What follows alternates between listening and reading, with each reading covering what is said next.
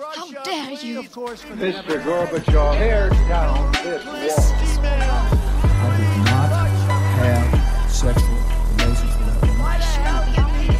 Read my lips. Hell yes, we're gonna take your AR-15. It's I have a dream. Thank you.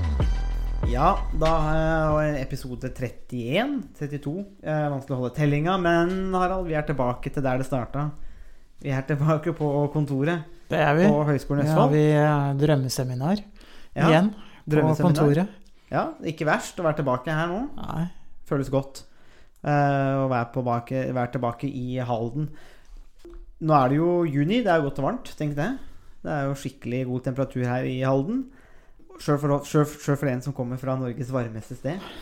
Eh, vi kan jo kanskje bare nevne før vi starter at um, vi kommer jo til å spille inn en del podkaster nå. Uh, så vi kommer jo til å publisere utover uh, sommeren. Jeg, jeg foreslo at vi skulle ha en sommerferie, men jeg tapte den demokratiske Ja, debatten. den, den tapte du Der tapte du så det sang. ja, det, det gikk rett og slett på et nederlag. Men eh, det vil jeg kalle et prestisjenederlag. ja, det må, du må lære å svelge noen kameler, da. Det har, jeg, har jeg hørt. Så jeg, måtte ta det som en, tar det som en sånn lærings... Det kan du ta på din kappe, rett og slett. Tar det på min kappe. Så det, og så går vi videre eh, med, med det. Da var den død. Eh, nei, men eh, vi, Så da blir det jo på en måte ikke sommerferie. Vi kommer til å publisere podkaster, men eh, bare en liten sånn liten advarsel. Og det er jo det at vi, kom, vi spiller jo inn de siste episodene her nå i midten av juni. Og med mindre noe skjer i løpet av sommeren som gjør at vi spiller nye podkaster, så kommer vi til å spille dem inn måte, en god stund før de blir publisert. da. Så hvis det er noen episoder som kanskje ikke mm, er helt up to date, eh, og det med noen hendelser, så veit dere hvorfor. Men eh, det vil likevel være evig aktuelle Ja.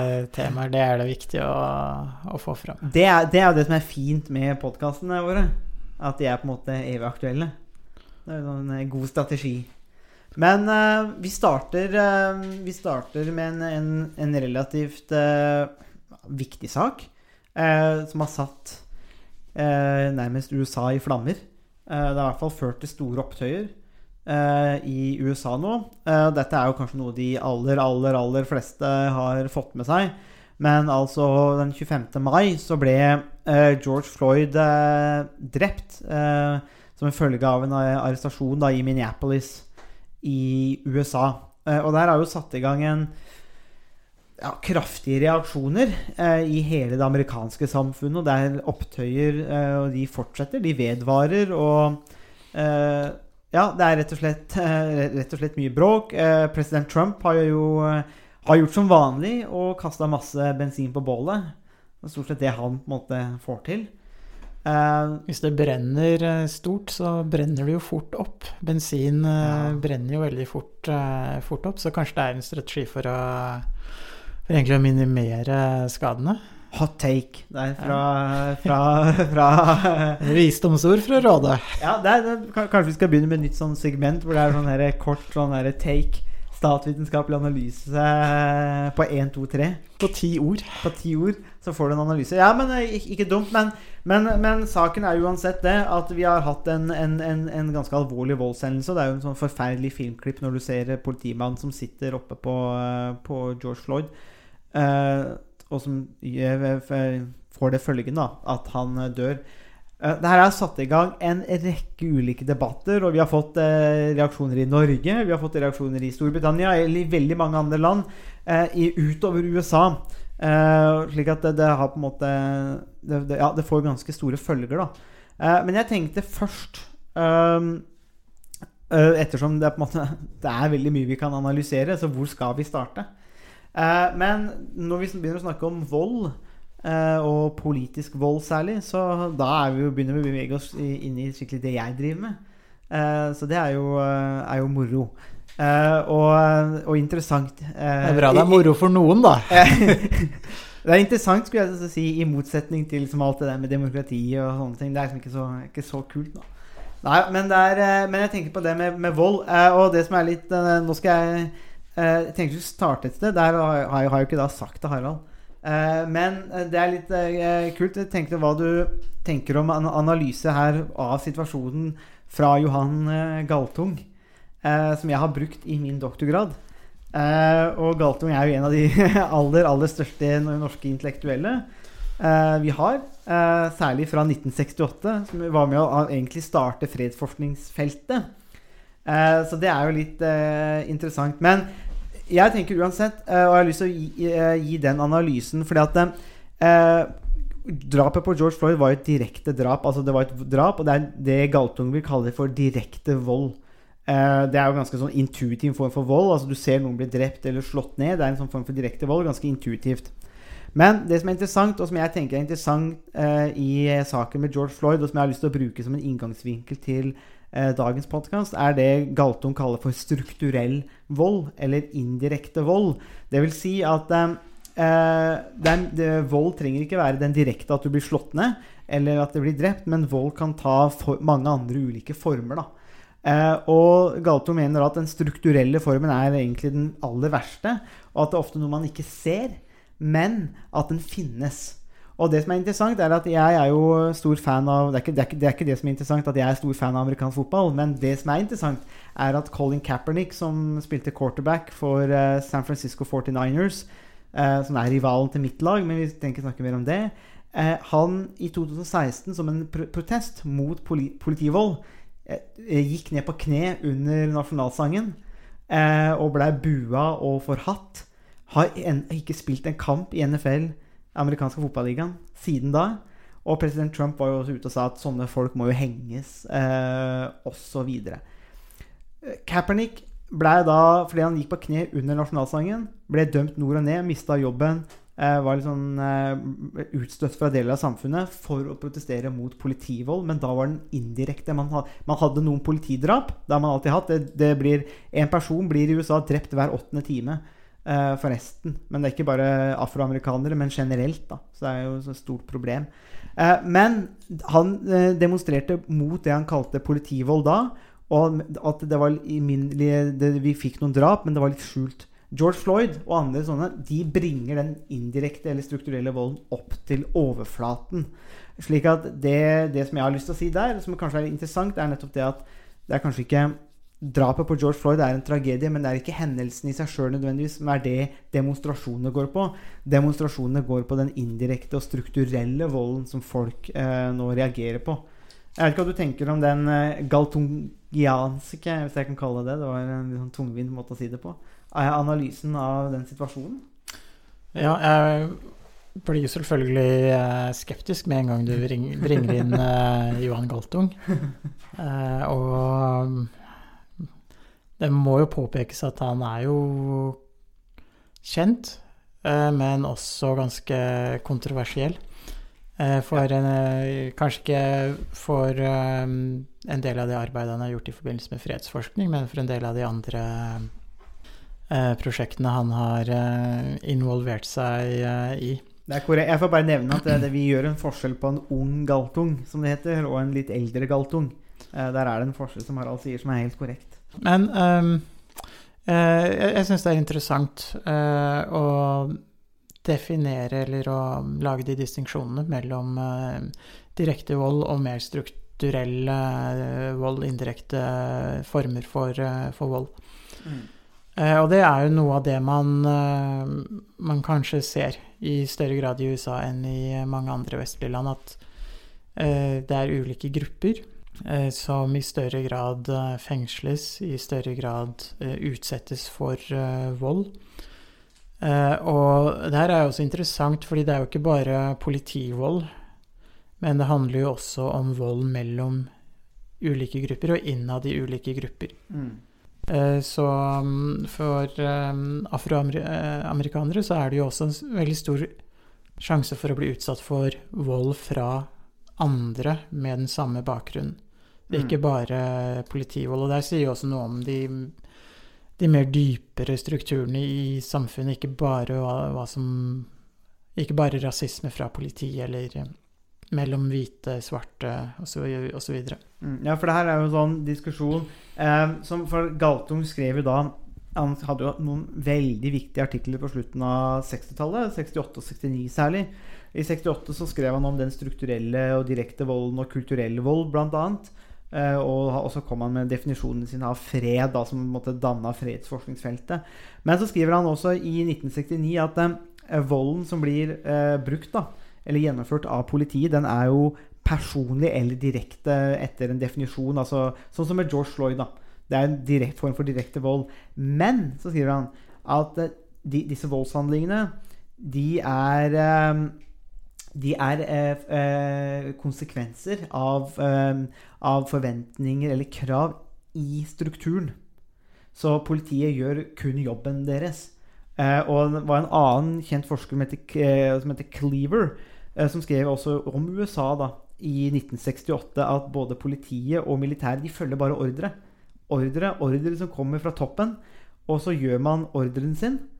Og det er en jobb for å møte øh, gjeldsbetaling, for å få mat til familien, eh, for å eh, klær, fritidsaktiviteter til barna. Og det er jo det som er, måte, er kanskje litt interessant, er jo det at eh, Som gjør at det er, er, er veldig interessant, at det, med, og som kommer fram med, med drapet på George Floyd, er at det er jo ikke, altså, det er jo ikke én politimann bare som gjør det her. Vi snakker om strukturene, vi snakker om de samfunnsmessige strukturene. Men det som er interessant, er at en sånn type vold kan kanskje være bygd inn i selve strukturen. Altså, ikke det at man trener opp politifolk til å bli eh, nødvendigvis være, være rasistiske, men at man, man, man, blir trent opp med noen forventninger om hva man skal gjøre, og så gjør man de fordi det er jobben. Det er ordrer, og så er man tro mot tjenesten og tro mot kollegaene. Og så har man et sånt system gående hvor man kanskje ikke nødvendigvis tenker over seg selv som rasistisk, men at det på en måte det, det, er konsekvensen av det. da. Ja, så det blir, Man kan si med andre ord at det blir en del av politiprofesjonen. Mm. Eh, og som eh, et svar på ulike forventninger kollegaer eh, og overordnede kanskje har til hvordan man skal løse eh, ulike saker, ulike arbeidsoppgaver. Mm. Eh, og um, også hva slags forventninger som ligger i det å være en politimann i det systemet. Mm. Ja, det er, det er, nettopp det. Og, det. og det, er det i hvert fall eh, grunnen til at jeg tar det opp, er at det er det jeg har hørt eh, Når vi går gjennom fryktelig mye podkaster og nyheter i USA, så ser man at eh, fra mange av de ledende talspersonene, hvis vi kan kalle det på den, eh, av de bevegelsene da, for, den, for eh, de afroamerikanske bevegelsene mot politivold, så er det nettopp det du, som du trekker fram nå, som de, som de trekker fram at eh, politiet som struktur har rett og slett bare blitt på den måten nå, da, at man gjør med de, disse forventningene, og at det er med på å skape vold. Det er, og det er det de da demonstrerer mot. Og jeg hørte på en annen podkast i dag, faktisk, på vei ned til Halden, en, en professor emeritus i uh, afrikanske, eller am, amerikanske og afrikanske studier sier nettopp det at eh, pengene til, fra politiet de, Sikkerhet, det fungerer ikke for oss de svarte amerikanere, eh, de pengene er bedre brukt på å ta vekk fra politibudsjettet og heller bruke på sosiale tiltak eh, og sånne ting. Da, for det skaper ikke sikkerhet. Men det jeg tenker, er jo, er jo uansett det som er interessant, er jo det at eh, Som vi kanskje må Eller som vi, som jeg vil se på, er jo det nettopp det at mange direkte hendelser Dette er i hvert fall mitt poeng. da, Mange direkte hendelser, mange direkte voldshendelser og sånn som noe med politi, det handler ikke nødvendigvis om den direkte hendelsen i seg sjøl, men det handler om større strukturelle ting, da. Eh, og det vil jo også påvirke det amerikanske samfunnet i stor grad. Eh, noen andre refleksjoner du har gjort rundt den situasjonen som vi står i nå, eller som USA står i særlig, da, hvis, hvis vi holder oss til USA nå eh, med det drapet, er det noen andre refleksjoner som du tenker eller har tenkt rundt når det kommer til eh, ja, George Floyd og politibrutalitet og president Trump, eller Verden generelt. Eller verden generelt. Nei, no, noe av det som har slått meg, er jo at USA i, um, i ulike perioder uh, går gjennom den type um, uh, hendelser igjen og igjen. Det blir et slags mønster som man egentlig ikke klarer å, å bryte. Mm. Så man har jo sett det fra 60-tallet. Og frem til i dag så har man med jevne, ujevne mellomrom hatt den type demonstrasjoner og opptøyer. Mm. Og um, det som slår meg litt, er jo at når det foregår over en så lang periode, selv om det kan gå kanskje mange år, eller flere år mellom hver gang man ser den type demonstrasjoner og opptøyer, eh, så er det et tegn på at man ikke klarer å bry, bryte den onde sirkelen som eh, man egentlig har kommet inn i. Mm. Så man har jo eh, kommet noen steg videre når det gjelder eh, borgerrettigheter siden 60-tallet.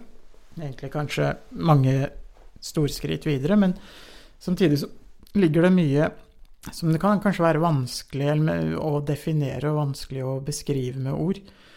Eh, både for de som opplever at de utsettes for rasisme eller diskriminering, som, som av uh, ulike grunner uh, bobler opp og blir til uh, den, store, den type store demonstrasjoner og opptøyer som vi har sett i mange amerikanske byer. Og det med opptøyer og demonstrasjoner er jo et fenom- fenomen som man finner i større, større eller mindre grad i alle, i alle land.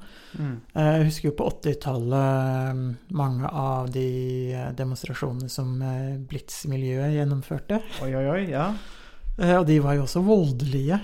Eh, og det er jo mye man kan si om det, men altså det er jo noe som vi kjenner igjen fra Norge og Mm. fra mm, veldig mange andre land. Frankrike har jo også hatt episoder med opptøyer, demonstrasjoner, som i, eh, i England. Mm. Eh, Så sent som i 2010-2011, så vidt jeg husker. Mm. Eh, Og så er det også noe med at den type opptøyer og demonstrasjoner vi har vært, vært vitne til, har jo en tendens til å oppstå eh, når været begynner å bli varmere. Og det begynner å bli mer behagelig å, å være ute. Og hvis jeg ikke husker feil, så har det også blitt gjort noe forskning på akkurat det her. Som sier noe om måte at man kan forutse den type hendelser. Mm. Eh, med bakgrunn i, eh, i vær og altså, temperatur. At det, folk blir litt mer irritable når temperaturen nærmer seg 30 grader. Og sommeren i Midtvesten i USA kan jo bli ganske Ja.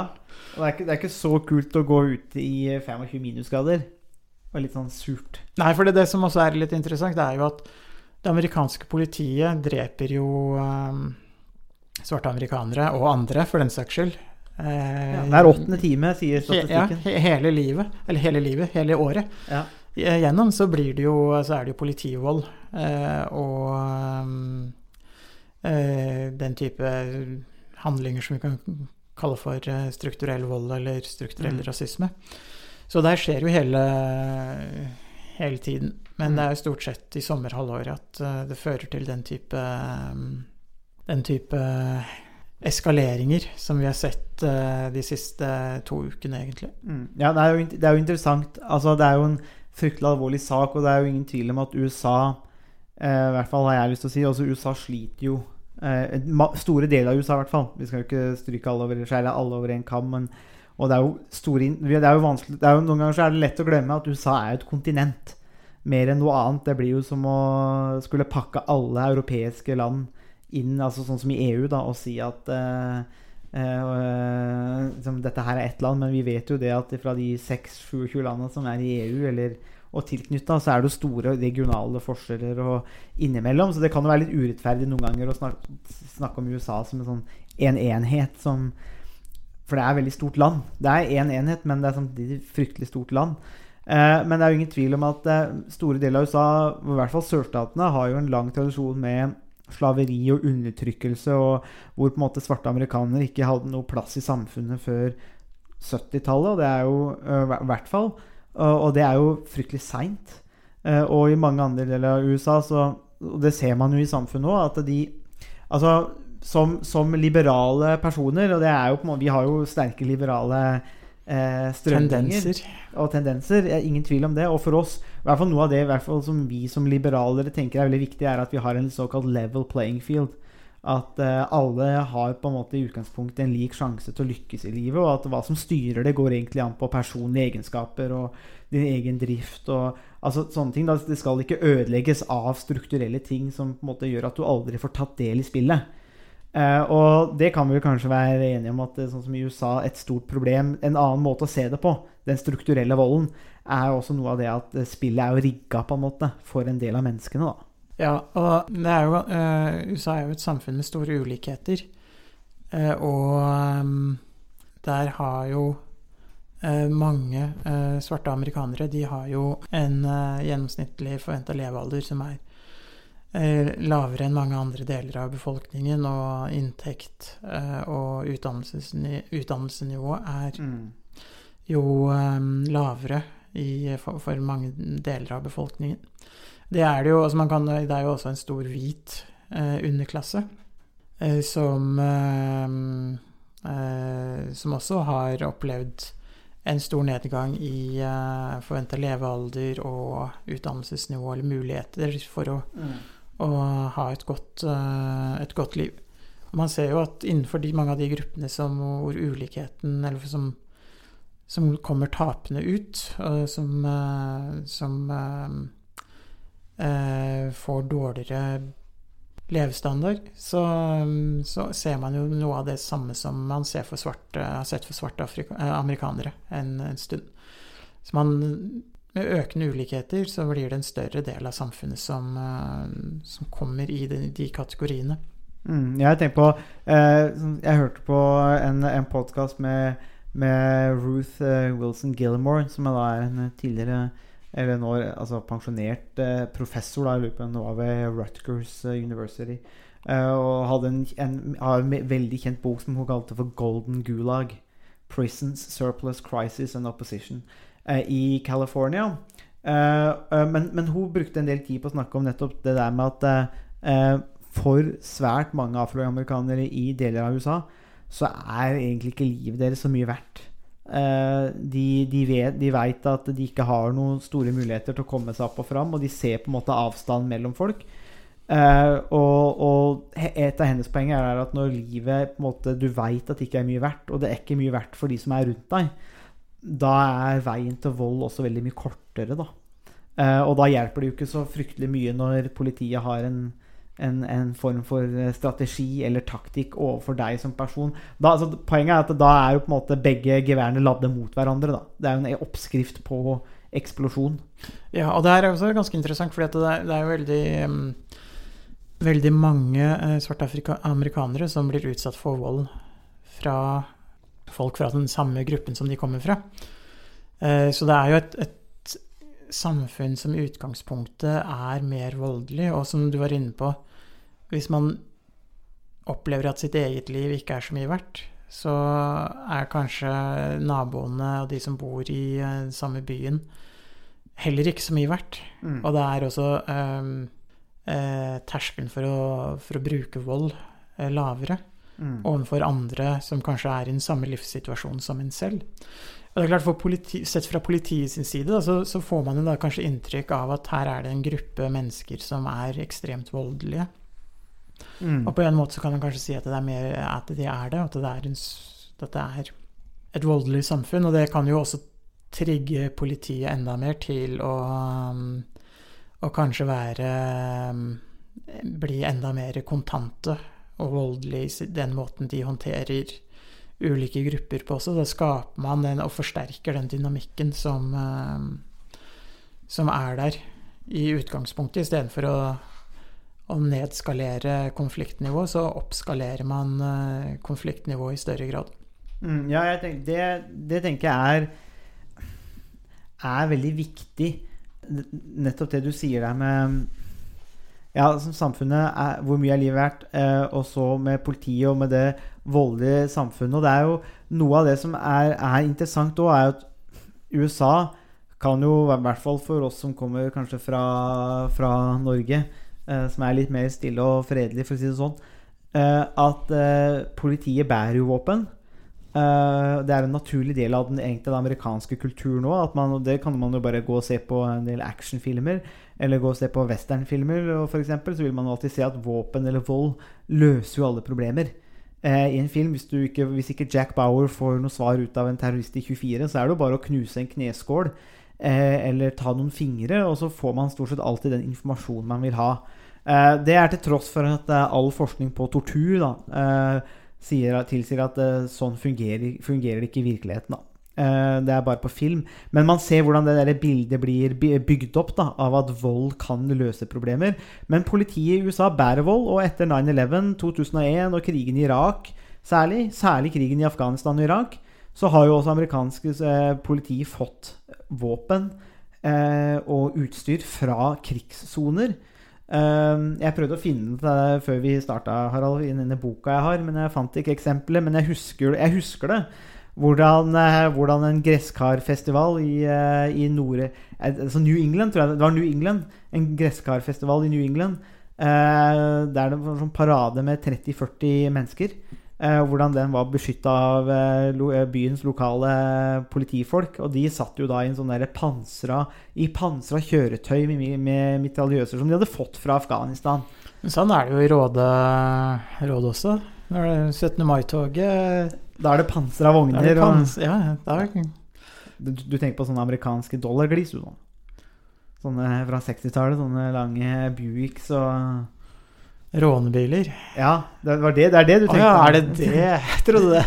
Ja, nå snakker vi om det annet. Ja. Ja, nei, men sånn er det på Rådet. Litt, uh, litt Men det er jo for så vidt en liten eh, slice av USA uh, og sørstaten i Rådet òg. Det er jo omtrent like flatt som uh, Midtvesten.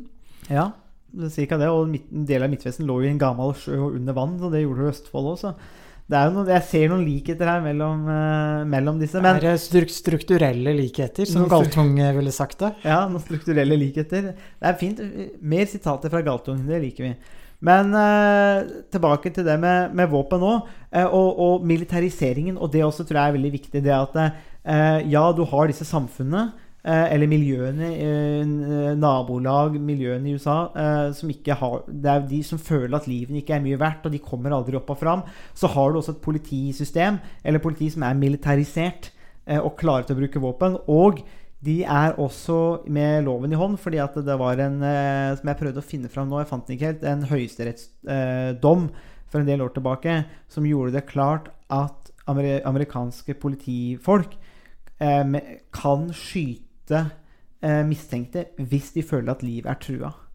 Og det setter også en veldig lav limit. Lista ligger veldig lavt for når du kan bruke vold. Og det, det tenker jeg kanskje Der har du på en måte en god situasjon for, for den, en forklaring på den situasjonen vi er i nå. da på en måte Litt sånn strukturelle ulikheter. Eh, liten, lav tillit. Eh, men også lett tilgang til våpen og en kultur for å løse problemer med vold. Ja, så kan du legge til at det har vært framme i, eh, i mange norske medier, at eh, det tar jo bare kanskje ni uker å bli uteksaminert eh, som politimann. Og det i seg selv er jo ganske kort, men det som jeg tenker er noe av det som gir det en viss betydning, er jo det at med så kort utdannelse så har man også veldig liten anledning, lite tid, til å jobbe med eh, politistudentenes eh, holdninger. Eh, Ja. Og det gjør det, det gjør det vanskeligere å endre den type holdninger som, eh, som vi har vært litt inne på nå. Og det gjør jo også at man som ny eh, uteksaminert politimann i større grad også blir avhengig av de holdningene og erfaringene som andre polititjenestemenn har. Mm. Og som gjør at man kanskje har et min en mindre kunnskapsbase da, og, um, for å vurdere de situasjonene og de holdningene som, um, som man finner i, uh, i politiet og i, i politihverdagen. Mm. Og så er det noe med det, vi har også mye forskning som sier at uh, med en gang man har våpen tilgjengelig, så vil, de, vil også bruken øke. Og, og det har også vært en av grunnene til at jeg har vært en sterk motstander av at norske politi skal bære våpen permanent. Det er rett og slett fordi at eh, altså man, eh, terskelen for å bruke våpen blir lavere. Det er det, det er det empirien forteller oss. At uh, sånn er det. Og at uh, aktivitetene blir strukturert ofte rundt teknologien man bruker. Så det er ikke sånn at militæret tilfeldigvis bruker våpen. Nei, militæret er strukturert også rundt de våpnene og teknologien de har tilgjengelig. Så det er en sånn dialektisk forhold, da, som det så fint heter mellom de to. Men uh, for å vri det litt Altså, det er så mye vi kan snakke om her. Men for å vri det litt eh, vekk eh, og tilbake til vår demokratiinteresse, Harald. Demonstrasjoner, opptøyer, hvilken plass har det i demokratiet? Så USA er jo et, er jo et de, de, de, demokrati. Hvor velfungerende er, det kan vi jo diskutere. Og det skal vi diskutere kanskje i en annen podkast, og vi har faktisk gjort det allerede òg. Men eh, vi tar som utgangspunkt at det er et demokrati. Eh, og at det fungerer. Hvilken rolle eller plass tenker du at demonstrasjoner sånn som vi ser nå, har i et demokrati? Ja, det er jo en del av eh, ytringsfriheten. Altså retten til å samle seg. eh, retten til å, til å uttrykke seg. Eh, så demonstrasjoner har jo spilt en, en viktig rolle i, eh, i politikk, egentlig eh, eh, fra historiens begynnelse. Og en av de situasjonene som kanskje altså man, man kan jo gå egentlig helt tilbake til både antikken og egentlig eh, Mosebøkene i Bibelen også, for å finne eksempler på demonstrasjoner og folkelige Oi, oi, oi. En podkast av bibelske proporsjoner. Ja. Eh, så en, en politisk filosof, eh, Michael Waltzer, har jo skrevet om en bok som heter eh, Exodus and Revolution. Eh, som er en eh, beskrivelse av eh, det jødiske folkets utgang fra Egypt som den første politiske revolusjonen. Så man, man finner jo eksempler på demonstrasjoner eh, og opprør eh, helt tilbake i, eh, i Bibelen. Så sånn sett så er det jo spilt en rolle i, i politikken så lenge man har, har hatt uh, politikk. Og i mer moderne tid så var det jo demonstrasjoner uh, i Paris uh, som var med på å skape mulighet Altså på muligheten for å gjennomføre den franske revolusjonen også. Så demonstrasjoner har spilt en viktig, viktig rolle. Og man kan jo også se på um, Gå til Ukraina, 2000, og- var det 2004, eh, hvor det også var store demonstrasjoner. Mm. Eh, som skapte regimeendringer, og det samme så man jo i eh, rundt 1989. Så demonstrasjon eh, med eh, Berlinmurens fall og oppløsningen Mm. av kommunistregimene i, eh, i Øst-Europa. Så, så må vi finne, det er veldig lett eh, å finne veldig mange eksempler på at demonstrasjoner har eh, spilt en, eh, en viktig rolle og faktisk kan skape politisk eh, endring. Og det er noe av det som gjør eh, demonstrasjonene i USA litt paradoksale, fordi at det, ser ikke ut til å skape noen endring. Eh, Man gjentar det samme med demonstrasjoner, ulike former for eh, folkelig protest, borgerrettighetsaktivismen på 60-tallet osv. Så, videre. så man har på en måte ikke kommet videre, mens man i Øst-Europa i 1989 klarte å skape en strukturell endring i samfunnet. Vi har vært inne på det med strukturell rasisme og strukturell vold. Så mens mange samfunn har klart å bryte det, den, eh, en, det man kan kalle en ond sirkel, så virker det som USA ikke er i stand til å bryte den eh, onde sirkelen. Mm. Og da er det også spørsmål om liksom, hva, hva, hva slags demonstrasjoner det er. Er det opptøyer? Eh, Eller er det demonstrasjoner? Eller er det begge deler? Eller Og har, det har jo også vært noe som har vært diskutert, hvor, som er blitt ganske politisk betent, egentlig. Ja. Hvor, hvor en side snakker om demonstrasjoner, en annen side snakker og mm, beskriver det som, som opptøyer i, eh, i større grad. Ja, det er, jo, det er jo lett for mange aktører å misbruke sånne anledninger, og det er jo noe vi har sett på. Men jeg tenker på det, det for det er, det, er, det er som er interessant, det er jo helt klart at det er noe som ikke fungerer i USA. Eh, hvis, vi, hvis vi ser veldig enkelt på det. Vi, har- vi snakka litt om det før podkasten, men du nevnte det vel også egentlig i, sånn, uh, i den podkasten vi hadde der vi snakka litt om vår egen bakgrunn. At noe av det du har tenkt på, liksom, hva er det som får, egentlig får samfunnet til å fungere? Hva er det som binder ting sammen? Og så, hvorfor lever vi sånn som vi gjør nå? Det og Hvis vi tar det som utgangspunkt, så er det helt klart at det er noe i det amerikanske systemet som ikke fungerer. Men er det, er det på en måte det, Har demokratiet i USA ikke klart å fange opp og ta inn eh, altså de afroamerikanskes eh, eh, rettigheter, ønsker, altså preferanser eh, og rettigheter?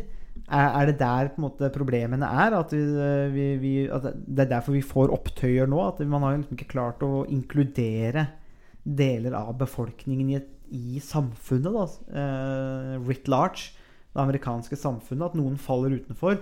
Og det systemet som er satt opp, klarer faktisk ikke å, fa å fange det opp og bake det inn i systemet på en meningsfull måte, slik at det er grupper av mennesker som føler de ikke blir hørt, har ikke mulighet til å bli hørt, og har ikke noe de skulle sagt. Hva tror du om det? Ehm, jeg, jeg vet ikke, det er et veldig vanskelig spørsmål. Uh, Ja, det er derfor vi har podkasten. Ja, uh, og du stiller jo bare vanskeligere vanskeligere spørsmål, så Ja, altså, det er viktig å få med ingenting av det her eh, av de ting som kommer nå, er avtalt. Det skal sies, så det her blir uh, på, på såkalt stående fot. Rett og slett på stående fot. Men, men, men, men, Nei, men altså, jeg, jeg kan jeg, Altså, et svar er Hvis man skal gi et litt brutalt og kort svar, så kan man si at ja, altså afroamerikanerne de er, eh, er det, så vidt jeg husker, 12-13% av befolkningen i USA.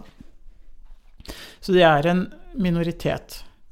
Eh, samtidig så ser man eh, at andre minoriteter eh, blir mer tallrike. Så eh, de som har meksikansk, latinamerikansk bakgrunn. Det er en voksende 18% Ja. Og afroamerikanere 13% Helt riktig. Og så har man også, eh, ser man også at eh, innvandrere fra mm, Asia har vært en eh, gruppe som har, som har vokst.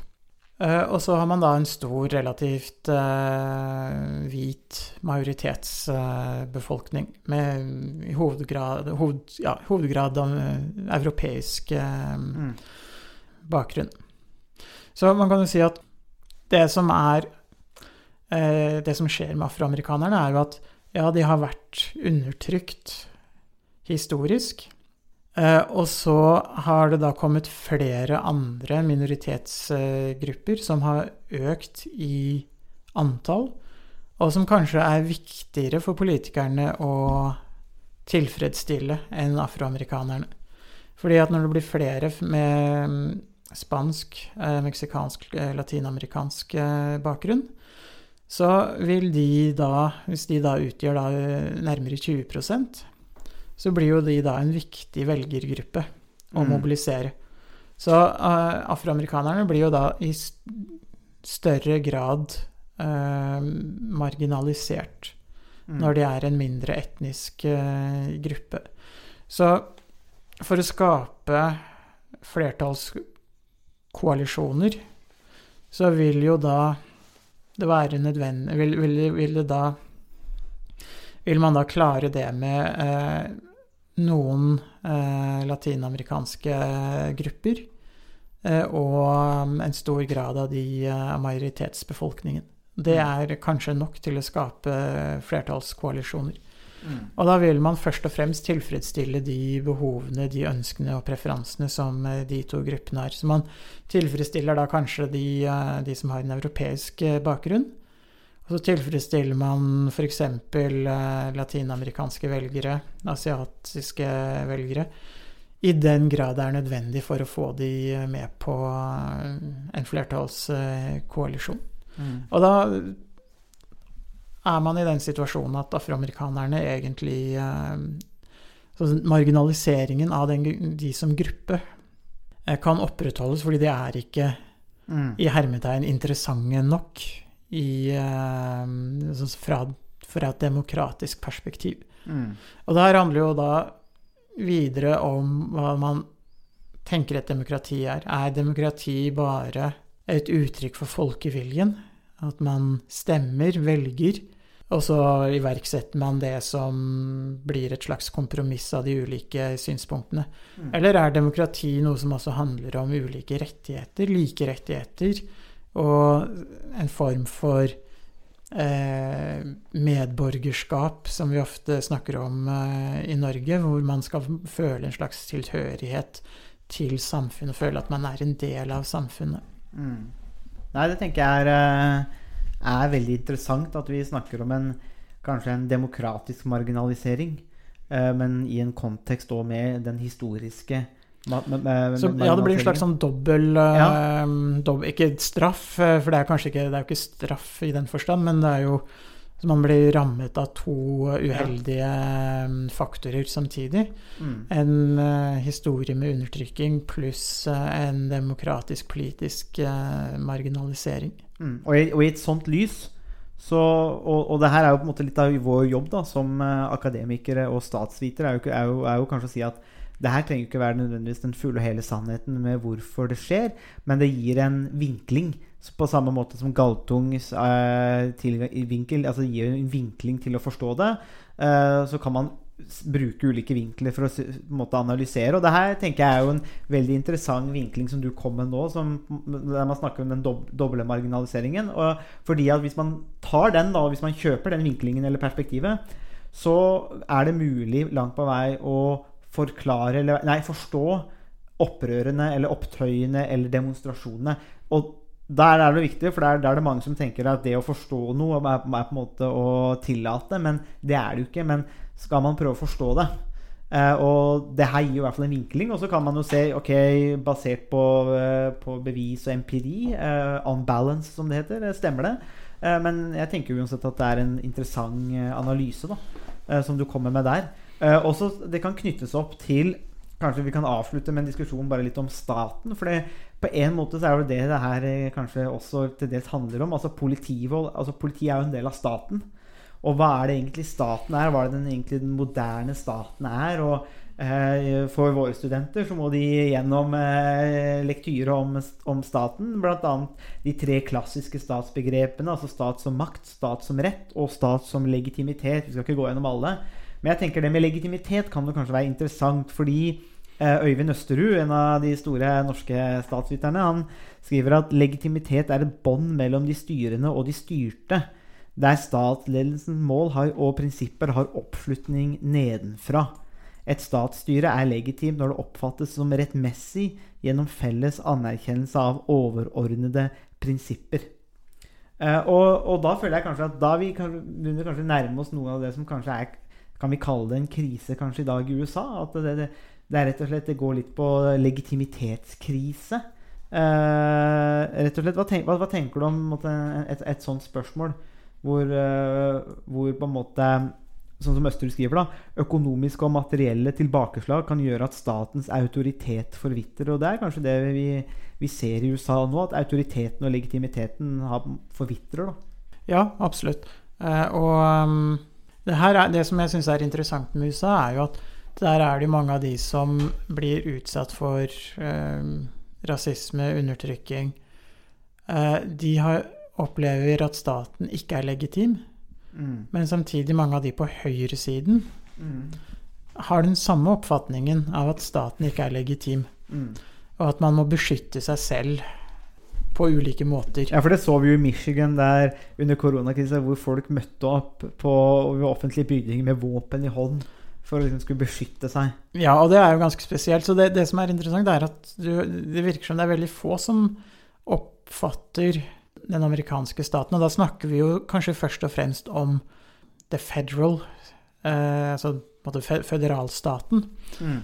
Altså det øverste politiske nivået, som, eh, som har tapt legitimitet. På delstatsnivå så er vel antagelig legitimiteten noe større, og det er antagelig litt større grad av nyanser og mm, variasjon. Men i hvert fall på det føderale nivået så virker det som, eh, som, det, har, eh, som det er vært en ganske klar forvitring av legitimiteten. Og det, for høyresiden i USA, så i hvert fall den litt sånn kanskje litt ekstreme høyresiden, som kanskje ikke nødvendigvis er representativ, men så har det der har det lenge vært en skepsis mot Mm. eh, føderale myndigheter og det føderale eh, staten. Mm. Eh, og på venstresiden, eller for de som oppfølger eller oppf, oppf, oppf, eh, at de, eh, de kanskje blir marginalisert, så opplever de jo staten som en slags eh, et redskap for å skape og bygge opp den, eh, den marginaliseringen Mm. gjennom politi og andre statlige eh, aktører. Mm. Ja, for det er, jo det, det er jo det inntrykket som i hvert fall jeg leser om. eh, Og som også er en del av det som vil komme fram fra Galtungs analyse. Men det er veldig interessant det der at vi har den doble. Så da er jo spørsmålet om, om, om USA er i trøbbel. Ja, um, det er jo et veldig godt spørsmål. Og jeg syns det er interessant å sammenligne uh, USA uh, og Sovjetunionen, altså den kalde krigen. Eh, Det var jo en slags konkurranse mellom to ulike statssystemer, to ulike politiske og økonomiske systemer.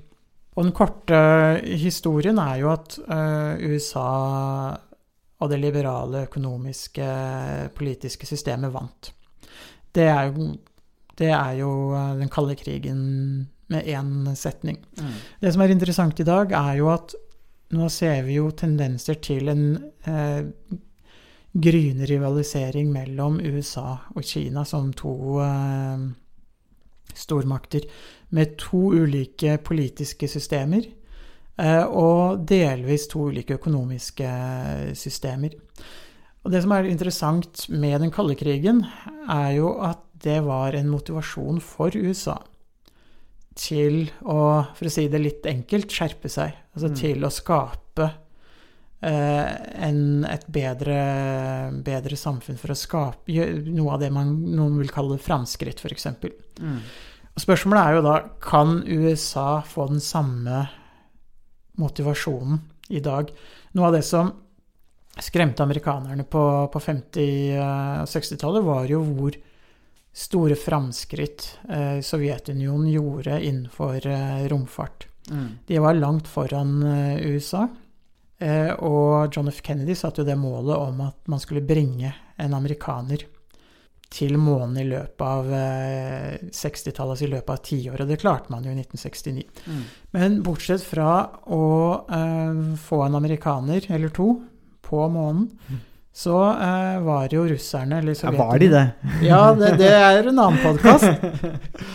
men eh, bortsett fra å komme først til månen, så var det jo Sovjetunionen som vant alle de andre mm, slagene. Så man kan si at USA vant krigen, men de tapte veldig mange av slagene underveis. Og da er jo spørsmålet for dagens situasjon Vil USA klare eh, å vinne den neste eh, supermaktkampen? Så det er to, eller man kan si det er 1-0 til USA nå. Vil det bli eh, 2-0, eller vil det bli eh, at Kina er den som det politiske og økonomiske systemet som eh, vinner i det 21. århundret? Mm. Ja, en ting er jo sikkert Det er jo på, en, på den internasjonale arenaen.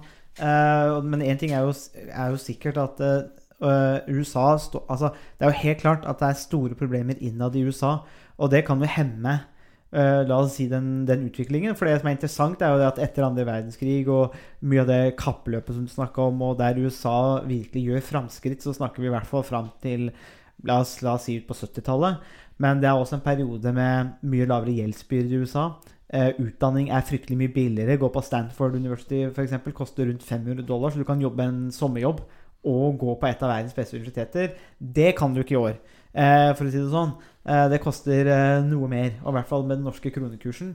Eh, slik at USA var vel også i en annen situasjon på det, det tidspunktet. Så selv med, selv da med, med store problemer, og på 60-tallet så hadde man også, også opptøyer og, og mange mennesker drept i Los Angeles f.eks. Og vi hadde jo også Martin Luther King, og det var mye, mange hendelser.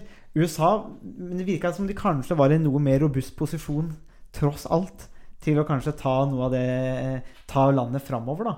Eh, Men det som uansett er interessant, tenker jeg, det er at det er bare ett land som kan finne ut av hvordan de skal fikse det, og det er USA. Eh, Så for oss statsvitere er det på en måte interessant å følge med, fordi at nå får vi se et demokrati i praksis. Et demokrati som sliter på mange ulike måter, med Trump på topp, som kanskje er et symptom på veldig mye som har gått feil. Så jeg tenker jo at USA er en veldig, sånn, veldig fin sånn case. Vi snakker jo Vi vil gjerne ha case og empiri i statsvitenskapen, og nå får vi jo egentlig et veldig eh, godt eksempel på, på dette, den politiske utviklingen. Da. Så da får vi, får vi se hvordan det går med USA. Vi kommer nok tilbake til USA, men jeg tenker eh, i første omgang Harald, så holder det med nesten 50 minutter. Ja, vi skal holde det gående i fem sekunder til, slik at vi ser 5-0. Det er ikke, er ikke verst, det. Nei, det er imponerende. And let me say, as I've always said, and I will always continue to say, that riots are socially destructive and self defeating. I'm still convinced that non-violence is the most potent weapon available to oppress people in their struggle for freedom and justice. I feel that violence will only create more social problems than they will solve. That in a real sense it is impractical for the Negro to even think of mounting a violent revolution in the United States. So I will continue to condemn riots and continue to say to my brothers and sisters that this is not the way. Continue to affirm that there is another way.